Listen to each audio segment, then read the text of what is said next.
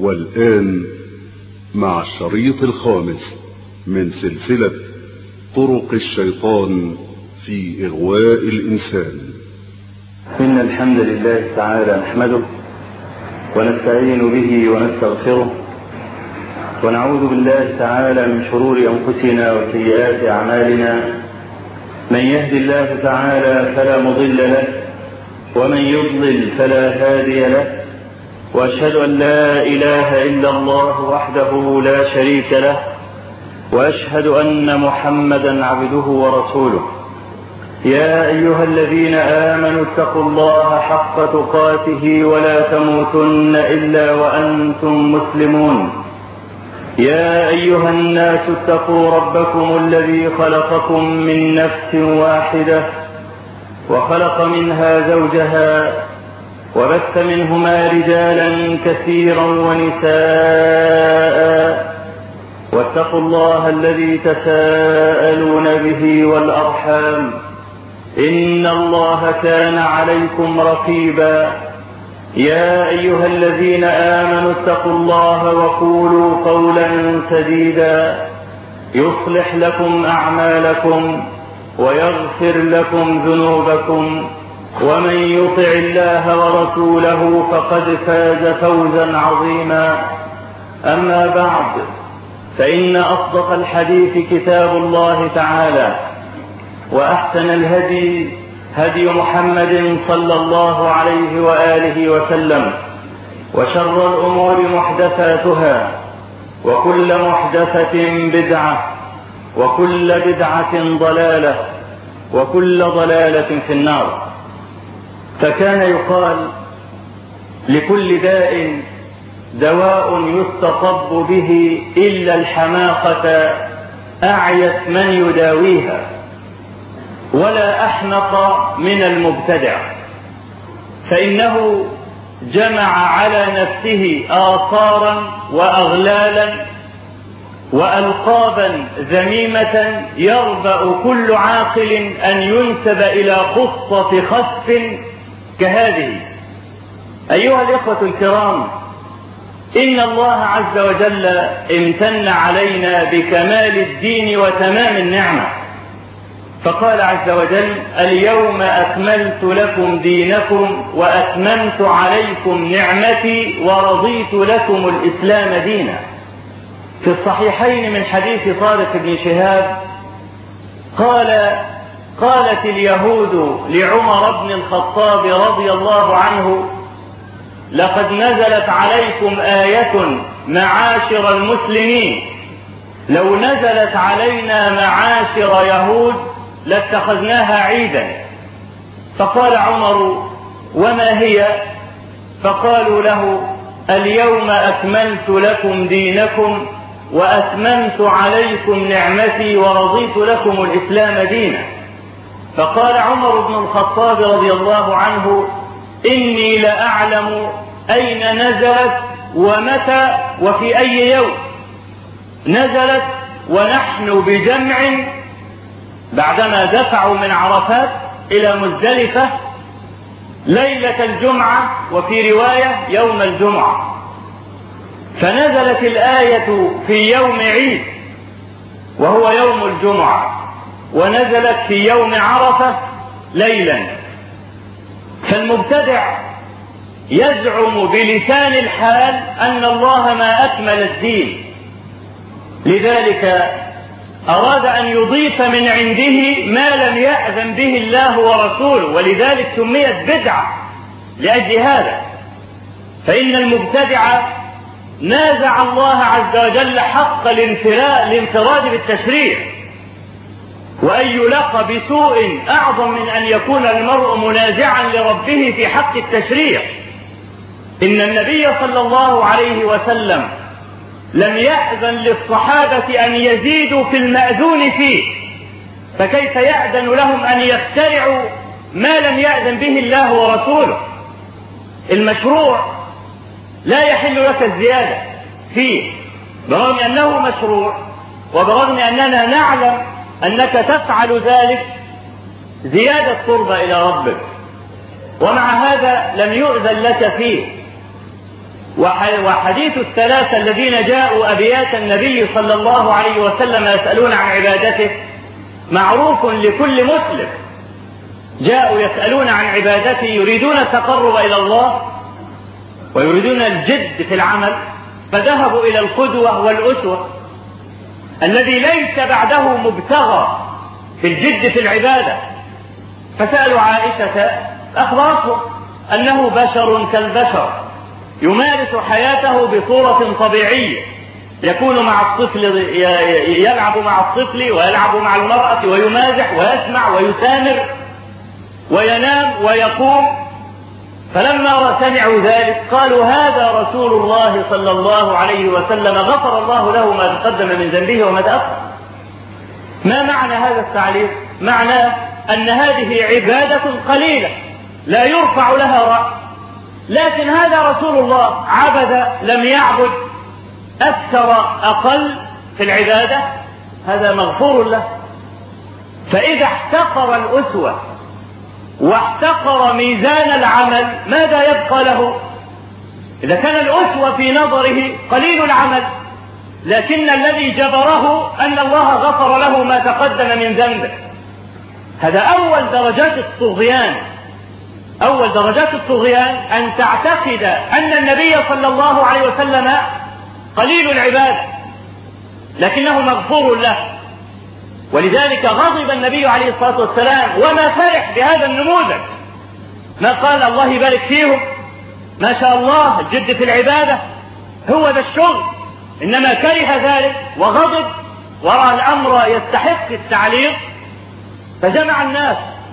وما مرر هذا الموقف لأنه يشتمل على أمر خطير. لو ترك لكان فيه الضياع الكامل. أن يعتقد المرء أن رسوله صلى الله عليه وسلم قليل العبادة؟ فقال ما بال أقوام يقولون كذا وكذا. أنا إني أتقاكم لله وأشدكم له خشية.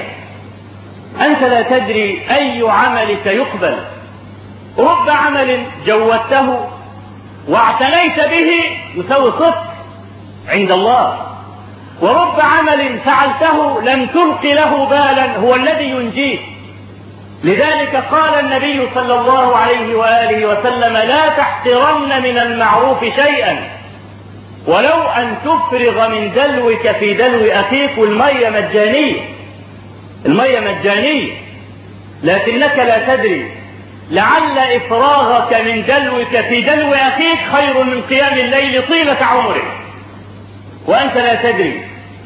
وهذا من أدل الدلائل على أن العقول لا تستقل بمعرفة ما يحبه الله ويرضاه ويكرهه ويسخطه. إنما نعرف ذلك من الوحي. وأضرب لكم بعض الأمثال التي هي خروج على القاعدة. لما خاض بعض المسلمين في حديث الإفك وتكلموا مجرد نقل كلام ما افتروا القصة من عند أنفسهم إنما نقلوا كلام. عبد الله بن أبي بن سلول رمى عائشة رضي الله عنها بالفاحشة مع صفوان بن المعطل السلم. إذا من المفتري الذي تولى كبره هو رأس النفاق عبد الله بن أبي. فبعض المسلمين نقل الكلام مجرد نقل. فقال بعضهم لبعض أولم تعلموا أن عائشة رميت بعبد بصفوان بن المعطل السلمي. مجرد كلام. فقال الله عز وجل لهم وتحسبونه هينا وهو عند الله عظيم. تحسبونه هينا مجرد كلام بينقل وهو عند الله عظيم. وفي حديث البخاري ومسلم رب كلمة لا يلقي الرجل لها بالا تهوي به في النار سبعين خريفا. لا يلقي لها بالا يعني ما ظن أن تبلغ هذا المبلغ. كلمة خرجت منه فلسة ما عناها ولا انعقد قلبه عليها. لم يلقي لها بالا ولم يعرف خطورة الكلمة. تهوي به في النار سبعين خريف وعلى المقابل قال النبي صلى الله عليه وآله وسلم في الحديث المتفق عليه أيضا دخلت امرأة بغي الجنة في كلب فقدته. أسقي الكلب تغفر مئة زنية؟ من يستطيع أن يفتي بهذا؟ امرأة بغي تتاجر عرضها طيلة عمرها. آثام بعضها آخذ برقاب بعض ظلمات بعضها فوق بعض. أيسقط هذا الذنب العظيم المتكرر؟ سقيا كلب. أهذا عمل لا يلقي المرء له بالا غفر الله ذنوبها جميعا به. إذا لا يستقل العقل بإدراك مرام التشريع. العبرة بالعبادة التجويد والإخلاص وليس الكثرة. ولذلك قال أنا إني أتقاكم لله أنا أصلي مثلك لكن ما بين صلاتينا كما بين السماء والأرض. رجل يتصدق وآخر يتصدق. هذا تقبل صدقته وهذا ترد عليه والفعل واحد. لماذا قبل هذا ورد ذاك؟ الإخلاص. من لي بمثل سيرك المدلل تمشي رويدا وتجي في الأول. ماشي على مهله وبيطلع الأول. هذا عاقبة الإخلاص. فرب عمل يسير يكون أعظم عند الله عز وجل في الميزان. فالنبي عليه الصلاة والسلام أنكر على هؤلاء الزيادة في العباد. أنكر عليهم الجد والتبتل وترك تزوج النساء. وحديث البخاري من حديث أبي جحيفة قال آخى رسول الله صلى الله عليه وسلم بين سلمان وأبي الدرداء. فجاء سلمان يوما يزور أخاه فرأى أم الدرداء متبذلة هيئتها هيئة امرأة متبذلة بثياب المهنة. فقال لها ما لي أراك متبذلة؟ قالت أخوك أبو الدرداء لا حاجة له في الدنيا. لا ينظر إلى المرأة. والرجل إذا كره النظر إلى المرأة أهملت نفسها وأضاعتها. وليس هذا من الفقه إذا أهمل الرجل النظر إلى المرأة فما يجوز لها أن تهمل زينتها.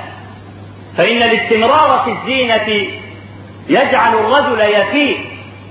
كما روى النسائي في سننه أن امرأة قالت للنبي صلى الله عليه وسلم يا رسول الله إن المرأة إذا تركت الزينة ثقلت وكره زوجها النظر إليها. فهي امرأة لا يطلبها زوجها ولا ينظر إليها ولا يعيرها التفاتا فهي بثياب المهنة دائما. ما لي أراك متبذلة؟ قالت أخوك أبو الدرداء لا حاجة له في الدنيا. فجلس. وجاء أبو الدرداء فرحب بأخيه ثم أمر بإعداد طعام. فقرب الطعام. قال له سلمان كل. قال إني صائم. خارج رواية البخاري قال والله لا أطعمك إلا إذا أكلت. قال ما أنا بآكل حتى تأكل. فأكل.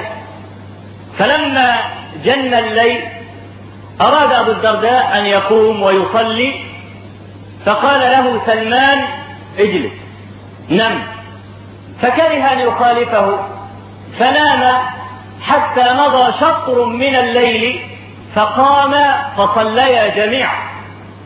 فلما أصبح ذكر قال لا فلما أصبح قال له سلمان إن لنفسك عليك حقا ولبدنك عليك حقا ولأهلك عليك حقا ولضيفك عليك حقا فآت كل ذي حق حقه فلما أصبح أتي النبي عليه الصلاة والسلام فقال أبو الدرداء للنبي عليه الصلاة والسلام مقالة سلمان؟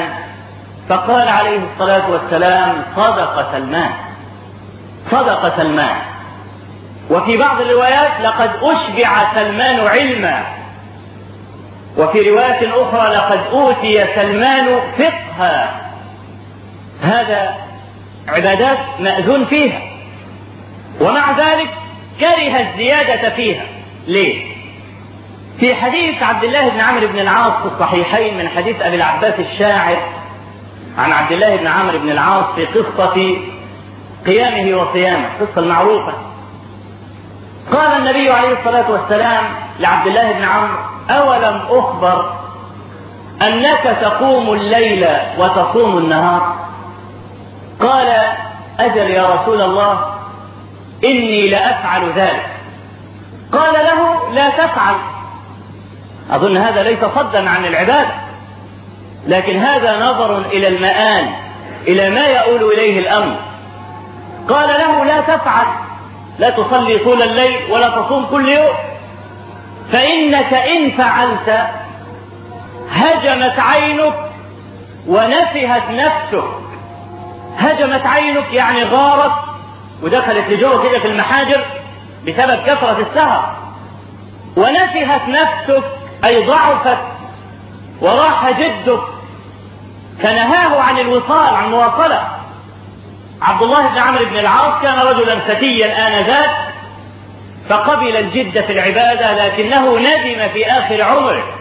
فكان يقول يا ليتني قبلت رخصة رسول الله صلى الله عليه وسلم وهذا في المأذون فيه. وكذلك في حديث ابن عباس لما كان النبي صلى الله عليه وسلم في مزدلفة قال لابن عباس القط لي مثل حصى الخز وإياكم والغلو في الدين. لما يرمي الجمرات في يوم النحر الرسول عليه الصلاة والسلام قال له القط لي مثل حصى الخز يعني حصى مثل حبة الفول ليرمي الجمرات.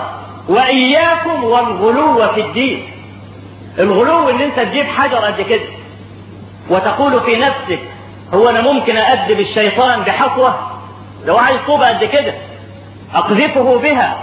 فنهى عن الغلو حتى في حجم الحجر.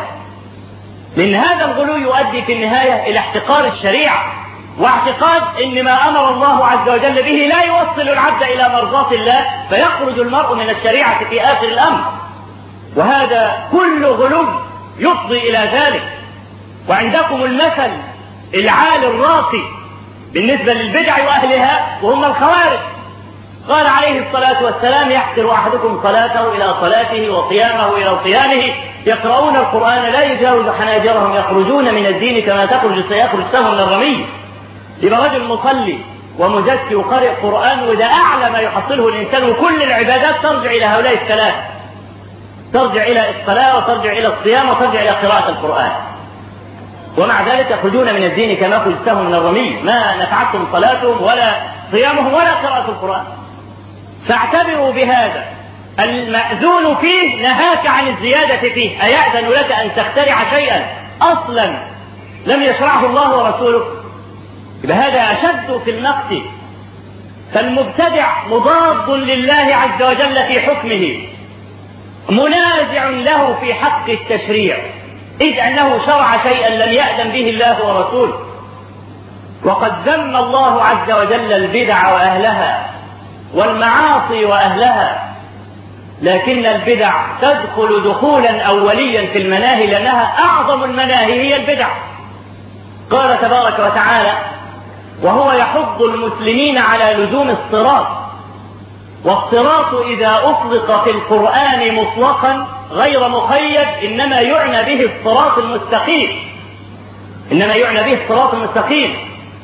وإن الذين لا يؤمنون بالآخرة عن الصراط لناكبون.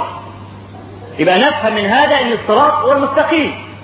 قال تعالى وأن هذا صراطي مستقيما فاتبعوه ولا تتبعوا السبل فتفرق بكم عن عن سبيله. ذلكم وصاكم به لعلكم تتقون. وصاكم به فهي وصية من الله لنا أن نتبع صراطه المستقيم. وقد بينه النبي عليه الصلاة والسلام كما في حديث ابن مسعود قال خط رسول الله صلى الله عليه وسلم خطا طويلا على الأرض وخط على جنبتيه خطوطا قصارا. ثم قال هذا صراط الله طويل. وهذه صوت الشياطين. على كل صراط شيطان يدعو إليه. فتأمل الفرق بين صراط الله وبين صوت الشياطين. صراط الله طويل لكنه مستقيم. صوت الشياطين قصيرة لكنها معوجة. هذه واحدة. ثانيا صراط الله طويل معناه أنك لن تلقى جزاءك فيه. لأنك قد تموت في أثناء الطريق وأنت تمشي. أما طرق الشياطين فعادة يحصلون مآربهم قبل أن يموتوا. وهذا فيه مزيد إغراء بسلوك سبيل الشياطين. ليه؟ لأنه سيحصل ما يريد ويستمتع به في حياته. أما صراط الله فطويل. قد تموت ولا تحصل مأربك. طول عمرك بتدافع عن الشرع والدين وتدعو المسلمين إلى لزوم الصراط لتقيم الدولة المسلمة ومع ذلك تموت ولا ترى الدولة بعينك. إنما يراها ولد ولدك. فهذا يدل على بعد النظر وأن السالك يريد الله عز وجل لا يريد العاجلة. وهذان فرقان جوهريان بين السالك إلى الله على طريقه المستقيم. وبين السالك في الطرق المعوجة وكفى بها عيبا أنها معوجة. إن الطريق إذا كان مستقيما وكان المرء أعشى البصر لا يرى فثبت قدميه على الصراط يصل. إذا كان الطريق مستقيما لا اعوجاج فيه وعنده عمى لكنه ثبت قدميه يصل. أما هذه الطرق الملتوية فلا يصل إلى شيء منها. الآية الأخرى قول الله عز وجل وعلى الله قصد السبيل ومنها جائز ولو شاء لهداكم أجمعين. وتأمل الآيات قبلها ترى شيئا بديعا. وهذا الشيء موجود في القرآن في أكثر من آية. ذكر الله عز وجل الأنعام ثم امتن علينا بخلق هذه الأنعام فقال وتحمل أثقالكم إلى بلد لم تكونوا بالغيه إلا بشق الأنفس إن ربكم لرؤوف رحيم. والخيل والبغال والحمير لتركبوها وزينة ويخلق ما لا تعلمون وعلى الله قصد السبيل. ما هو الرابط بين الآية قبلها وهذه الآية؟ وتحمل أثقالكم إلى بلد لم تكونوا بالغيه إلا بشق الأنفس. إذا في ثقل لا تستطيع أن تحمله أنت بنفسك وفيه خيل وبغال وحمير ليه؟ بتركبها. إنما تركبها لتسلك سبيلك وتقرب لك المسافات في السفر والسير. فهذا سير حسي نراه ونشعر به ونعلم قدر الراحة التي حظينا بها لما خلق الله هذه الأنعام. تصور واحد يحمل جوال رمل على كتفه لمدة خمسين كيلو. تقدر هذه المشقة؟ أردت أن تنقل أساس بيتك أنت وأولادك من بلد إلى بلد بينهم عشرة كيلو. تخيل هذا المتاع كله على كتفك وكتف أولادك. كل عشر أمتار تحط المتاع لتستريح الآن بتحمل كل هذا المتاع على ظهر سيارة أو على ظهر بغل أو على ظهر حمار. وأنت لا تشعر بأي مؤنة ولا تعب. يبقى أنت تحس بهذا إحساسا يقينيا أم لا؟ نعم. بعد هذا الشيء الحسي الذي تشعر به ولا تنازع فيه أبان ربنا عز وجل الخط المعنوي والسير المعنوي إليه. إنما نقل المقام من الحس إلى المعنى مباشرة ليحصل لك حسن تصور للمعنى. وعلى الله قصد السبيل. قصد السبيل أنت مسافر إلى الله. سالك إلى الله عز وجل فأنت على سفر. الحياة الدنيا معبر. وأنت كل يوم مسافر على جناح الليل والنهار. يحملك ليل ويحطك نهار ويحملك نهار ويحطك ليل. وكل ده عبارة عن سفر لأنك كل يوم بتقترب من المنزل النهائي لك. فأنت مسافر كل يوم. لكن هذا سفر معنوي لا تشعر به بسبب قرارك ومقامك في بلدك. فأراد الله عز وجل لك أن تحسن تصور هذا السير إلى الله. فجاءك بالبغال والحمير اللي هو السير الحسي اللي انت بتركب البغال والحمير لتسافر هنا وهناك. فنقلك هذه النقلة ليحسن لك التصور بالنسبة للمعنى. كما قال تبارك وتعالى يا بني آدم قد أنزلنا عليكم لباسا يواري سوآتكم وريشا. أهو ده تصور حقيقي. هذا شيء حسي. نلبس الملابس لتواري السوء والعورة. ويقين بها الحر والبرد. ثم قال ولباس التقوى ذلك خير. مباشرة بعد هذا اللباس ليه؟ لأنك أنت عندك الآن تصور بقيمة هذا اللباس. يجملك ويواري سوءتك ويدفع عنك الحر والبرد. يوم يديك المعنى الأهم ولباس التقوى ذلك خير. لما أمر الناس أن يذهبوا إلى الحج قال وتزودوا. كل واحد يأخذ متاعه معاه. إن وإن خير الزاد التقوى. بعد ما الإنسان يتزود التزود الحسي يذكر له الزاد الحقيقي اللي هو ال- الذي ينفعه عند ربه تبارك وتعالى. إنما أردف المعنوي عقب الحسي مباشرة ليحصل لك حسن تصور وعلى الله قصد السبيل. هذا مثل قوله عز وجل هذا صراط علي مستقيم. أي على الله بيان السبيل الحق. ومنها جائر أي ومن هذه السبل جائر. وقرأ ابن مسعود ومنكم جائر. وعلى الله قصد السبيل ومنكم جائر. لكن هذه قراءة شاذة لا يقرأ بها وليست قرآنا. لأن القرآن يشترط فيه أن يكون موافقا لرسم المصحف وأن يكون متواترا وأن يوافق وجها من وجوه العربية. إنما هذه القراءة شاذة. العلماء يستخدموا القراءات الشاذة في بيان معاني القرآن وإن كنا لا نقرأ بها ولا يحل أن تسمى قرآن. ومنكم جائر ولو شاء لهداكم أجمعين. فكلمة ومنها جائر هذا يدل على إنها على طرق أهل البدع والشهوات كما فسرها مجاهد رحمه الله. الآية الثالثة أيضا التي تنفر الناس من البدع وحظي بها هذا الأحمق. قول الله عز وجل إن الذين فرقوا دينهم وكانوا شيعا لست منهم في شيء. إنما أمرهم إلى الله ثم ينبئهم بما كانوا يفعلون. وقرأ حمزة والكسائي إن الذين فارقوا دينهم وكانوا شيعا لست منهم في شيء. وقراءة الجمهور إنما تذكر الحال وقراءة حمزة والكسائي تذكر المآل. فإن الذي يفرق دينه لا بد أن يفارقه. فرق ففارق. كما قال تبارك وتعالى ولا تكونوا من المشركين من الذين فرقوا دينهم وكانوا شيعا. كل حزب بما لديهم فرحون. قرأ حمزة والكسائي أيضا هذا الحرف من الذين فارقوا دينهم وكانوا شيعا. أيضا هذا المبتدع حظي بأسوأ الألقاب كلها. قال صلى الله عليه وسلم كل بدعة ضلالة. فمعنى الكلام أن كل مبتدع ضال. فأي خطة قذف أعظم من هذه؟ أن يقال له قد اختلف العلماء فيه هل أنت كافر أم فاسق؟ من الذي يتمنى أن يحمل لقبا من هذه الألقاب؟ وأيضا حظي هذا المبتدع بالخزي في الدنيا والآخرة.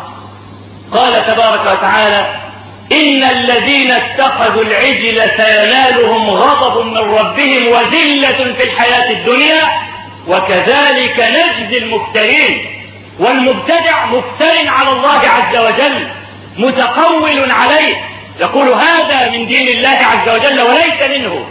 فسيناله غضب في الحياة الدنيا. ويرد إلى ربه عز وجل وهو يحمل لقب المبتدع على الله عز وجل. ثم هذا المبتدع أيضا متبع لهواه لأن الله عز وجل حصر الحكم في شيئين لا ثالث لهما. قال تبارك وتعالى فإن لم يستجيبوا لك فاعلم أنما يتبعون أهواءهم. فحصر الحكم في الوحي أو الهوى. إما وحي وإما هوى. وقال تبارك وتعالى يا داود إنا جعلناك خليفة في الأرض فاحكم بين الناس بالحق ولا تتبع الهوى فيضلك. فجعل الأمر حقا أو هوى.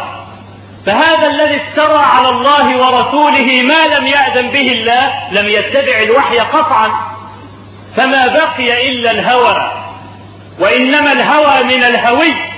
يهوي بصاحبه ولا يرفعه فيا له من عمل فاسق يرفعه الله إلى أسفله.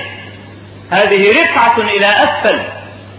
ثم نبينا عليه الصلاة والسلام وعظ أصحابه يوما كما في حديث العرباض بن سارية موعظة ذرفت منها العيون ووجلت منها القلوب. فقالوا يا رسول الله كأنها موعظة مودع فاعهد إلينا. قال عليكم بالسمع والطاعة وإن كان عبدا حبشيا فإنه من يعش بعدي فسيرى اختلافا كثيرا. طيب ما هو العاصم في هذا الاختلاف؟ قال فعليكم بسنتي وسنة الخلفاء الراشدين المهديين من بعدي عضوا عليها بالنواجذ. عضوا عليها بالنواجذ. إذا العاصم من البدعة العلم. فإن عجزت أن تكون عالما أو طالب علم فتعلق بأهداب أهل العلم. أهل العلم هم مراكب النجاة في زمان الفتن كسفينة نوح. من ركبها نجا ومن تخلف عنها هلك. عليكم بسنتي وكان الناس قديما. وبعض طلاب الآخرة في كل زمان يرحلون من بلادهم يقطعون مئات الكيلومترات. ليأتي الواحد منهم فيأخذ حرفا من العلم يتزود به ثم يرجع ولا يرى أنه أضاع عمره ولا ماله في سبيل ذلك. بل كان بعضهم يأتي المسافات الطويلة ليرى وجه العالم ثم يرجع. قال جعفر بن سليمان الضبعي كنت إذا رأيت قسوة في قلبي جئت محمد بن واسع فأنظر إليه كأن وجهه وجه ثكلى. ثكلى أول ما ينظر إليه يستفيد بلحظه مثلما يستفيد بلفظه ويرجع إلى بلده ولا يرى أنه ضيع رحلته. قال عبد الله بن المبارك كنت إذا نظرت إلى وجه الفضيل بن عياض جدد الحزن لي ومقدت نفسي. ثم يبكي عبد الله بن المبارك. ويقول علي بن عمر البزار كان ناس يأتون يصلون خلف شيخ الإسلام ابن تيمية رحمه الله ليسمعوا منه تكبيرة الإحرام في الصلاة. قال إذا قال الله أكبر في الصلاة انخلعت القلوب من جلال الكلمة وما يحسون من الإخلاص حال الإتيان بالكلمة. ويقول ابن القيم رحمه الله كانت إذا ضاقت بنا الدنيا وساءت منا الظنون. نأتي شيخ الإسلام فما هو إلا أن ننظر إلى وجهه ونسمع كلامه حتى يستحيل ما نجد إلى طمأنينة مع ما كان يعانيه من الضغط والإرهاق وخلاف الرفاهية. العالم نجاة. كل شيء يعن لك. تريد وجه الله به تسأل العالم حلال أم حرام بدعة أم سنة. فيفتيك افعل هذا افعل ذاك.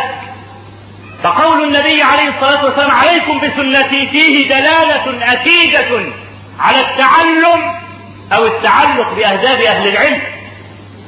عليكم بسنتي وسنة الخلفاء الراشدين المهديين من بعدي. عضوا عليها بالنواجذ. أقول قولي هذا وأستغفر الله العظيم لي ولكم. الحمد لله رب العالمين. له الحمد الحسن والثناء الجميل.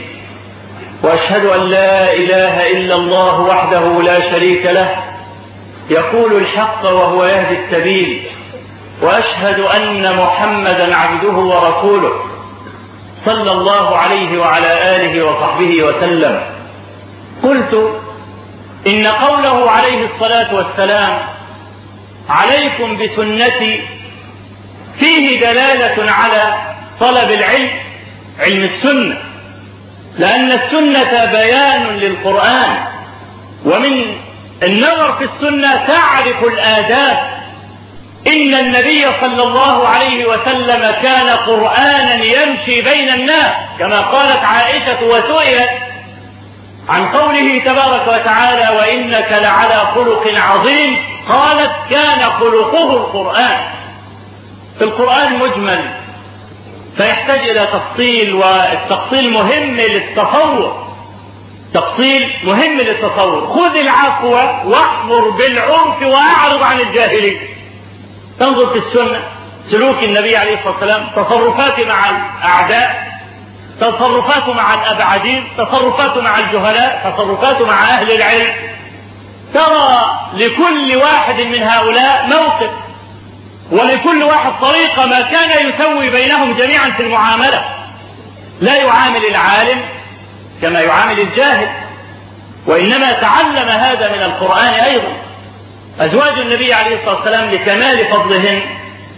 قال الله عز وجل لهن يا نساء النبي من يأت منكن بفاحشة مبينة يضاعف لها العذاب ضعفين.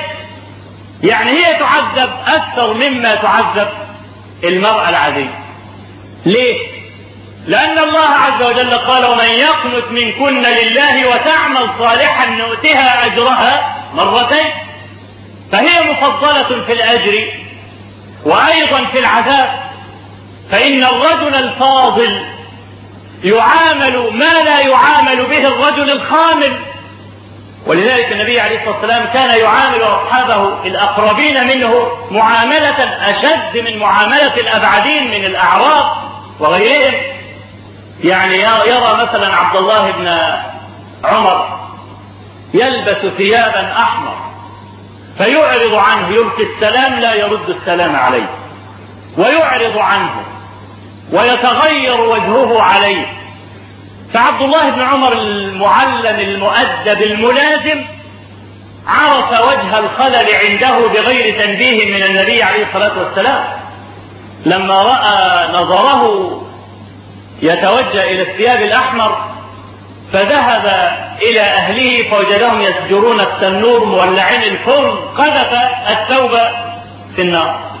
وغيره وجاء فأقبل عليه النبي عليه الصلاة والسلام وسأله ماذا فعلت به؟ قال سجرت به التنور ولعت فيه. قال هل أعطيته بعض أهلك؟ فإنه لا باس بها للنساء الثياب الأحمر البحث الذي لا يخالطه لون لا بأس به للنساء لكن للرجال لا. لا تلبس الأحمر البحث الذي لا يخالطه لون. طيب واحد يقول إن ثبت في الصحيح أن النبي صلى الله عليه وسلم كان يلبس ثيابا أحمر. فهل هناك تعارض؟ نقول لا. لأن الثياب الذي لبسه النبي عليه الصلاة والسلام كان يختلط به لون آخر لكن الأحمر غالب. الأحمر غالب.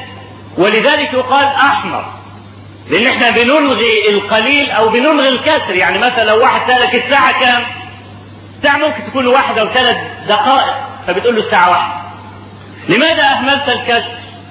لأنه لا قيمة له والعرب درجوا على إهمال الكسر. إلا إذا كان في تعيين الكسر فائدة. كما قال تبارك وتعالى لما ذكر نوح فذكر عز وجل أنه لبث فيهم ألف سنة إلا خمسين عاما. كان ممكن يقول تسعمية وخمسين. لماذا لم يقل تسعمية وخمسين؟ لأن الكسر ممكن يلغى. الكسر ممكن يلغى. نيف وتس... وتسعمائة تسعمية وخمسين ممكن تبقى تسعمية. فلما قال ألف سنة إلا خمسين عاما علمنا حقيقة الكسر في الأمر. فالحديث أن النبي عليه الصلاة والسلام كان يلبس ثوبا أحمر يعني أحمر مختلط مثلا ببياض. لكن الأحمر غالب. فينسب الثوب إلى ما غلب عليه. إنما الذي نهى النبي عليه الصلاة والسلام أحمر مئة بالمئة. لا يخالطه لون آخر. هذا لا يحل للرجال أن يلبسوه. لأن عبد الله بن عمر ملابس للنبي عليه الصلاة والسلام ودايما يأتيه فلماذا خالف؟ فيقوم يغضب بقى ويغير. يتغير وجهه عليه ولا يلقي عليه ولا يرد عليه السلام بخلاف الأعراب الذي جاء من البادية ولو ارتكب ما يشبه الكفر. فإنه يحلم عليه ويصبر عليه لأنه جاهل لا يعامله معاملة العالم الماكث بصفة مستمرة معه يتعلم الهدى منه. كما في حديث خزيمة بن ثابت عند النسائي وأبي داود وغيرهما قال رأى النبي صلى الله عليه وسلم قعودا لرجل أعرابي قعود الجمل الصغير فقال بعني جملك يا أعرابي. قال بكم؟ قال بكذا. عين السعر. خلاص اشتريناه. إذا ذهبنا إلى المدينة أعطيناك الثمن. فجاء مسلم آه ورجل من المسلمين لا يعلم أن النبي عليه الصلاة والسلام اشترى الجمل فقال للأعرابي بعني هذا الجمل. قال بكم؟ وكان ينبغي للأعرابي أن لا يبيع الجمل. يقول له الجمل اشتراه النبي عليه الصلاة والسلام. لكن الأعرابي جاهل. ظن أن البيع لم ينعقد طالما أن الثمن لم يعجل. وتصور أنه في حلم. لا سيما وقد فرض هذا الرجل سعرا أعلى من الذي فرضه النبي عليه الصلاة والسلام. النبي صلى الله عليه وسلم مثلا اشترى الجمل ب 100 درهم هذا المسلم قال له طيب أنا أشتري ب 150 فطمع الأعرابي في الخمسين الزيادة. فقال بعتك الجمل. فعلم النبي عليه الصلاة والسلام أن الأعرابي باع الجمل. قال يا أعرابي أولم تبعني الجمل؟ قال ما بعتك شيئا.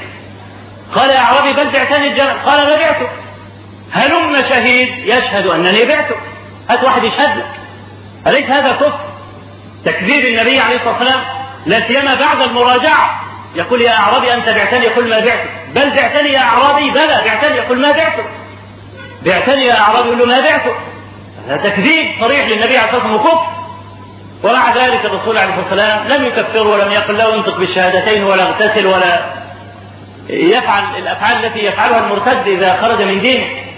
إنما انبغى خزيمة بن ثابت الأنصاري وقال أنا أشهد أنك بعته الجمل. فقال عليه الصلاة والسلام لخزيمة بما تشهد يا خزيمة؟ قال بتصديقك. أشهد أنك صادق لا تكذب.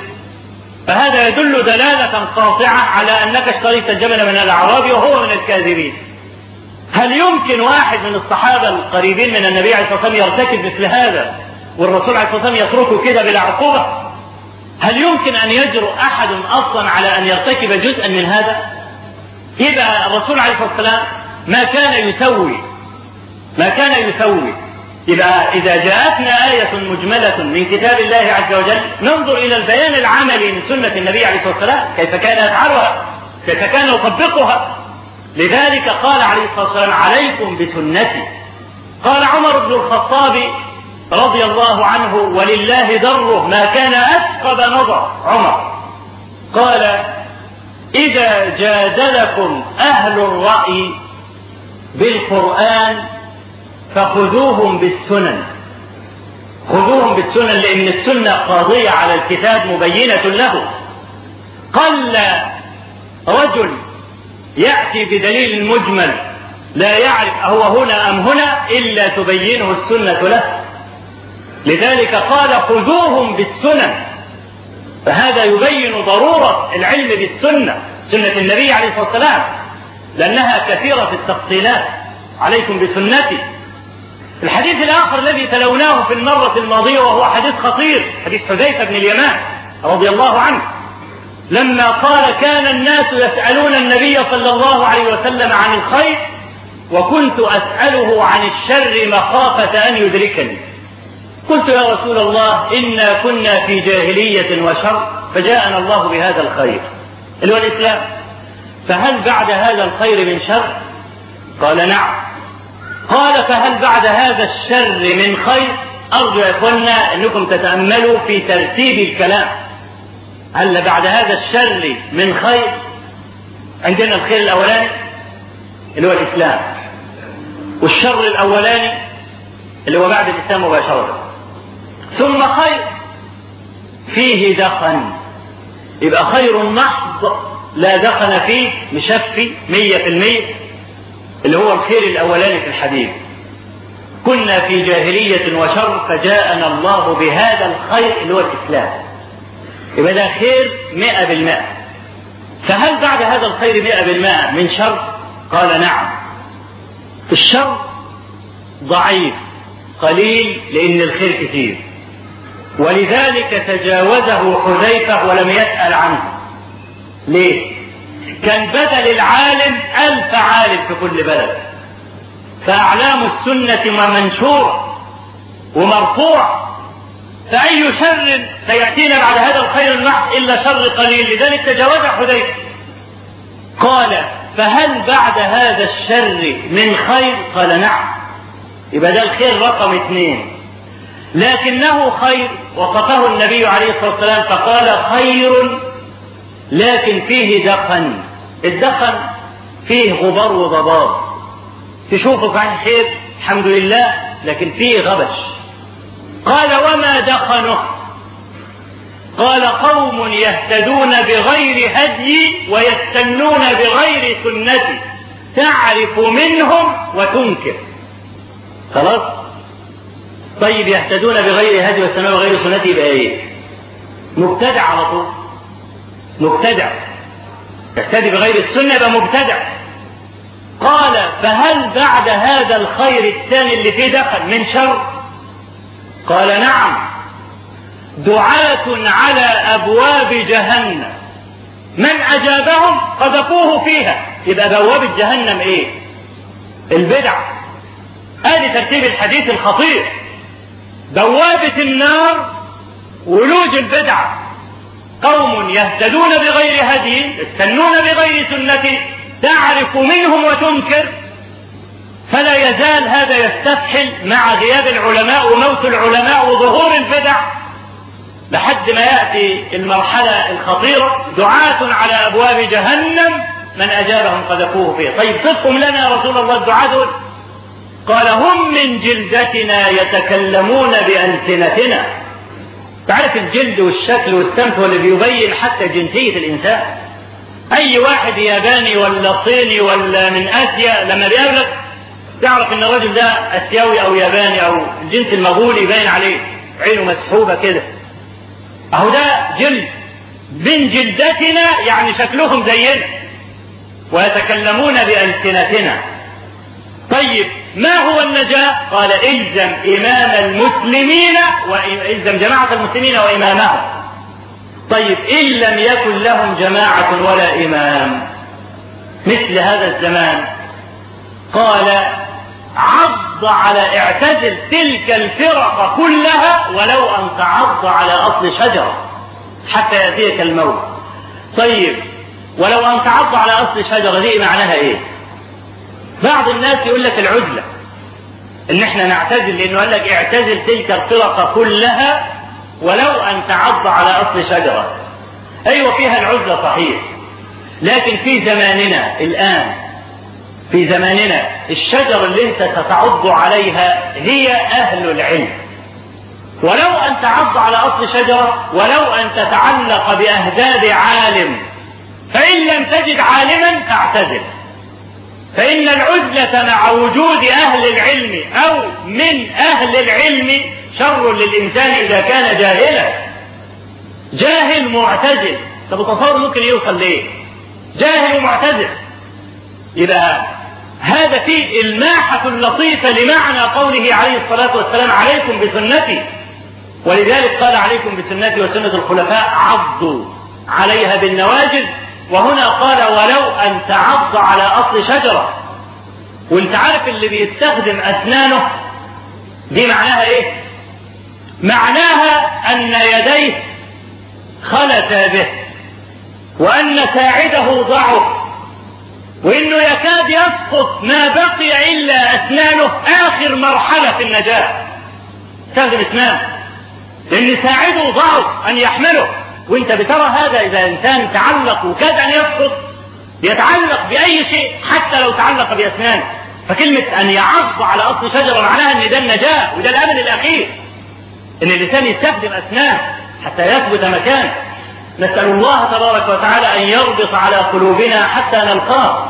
اللهم اغفر لنا ذنوبنا وإسرافنا في أمرنا وثبت أقدامنا وانصرنا على القوم الكافرين. اللهم اجعل الحياة زيادة لنا في كل خير.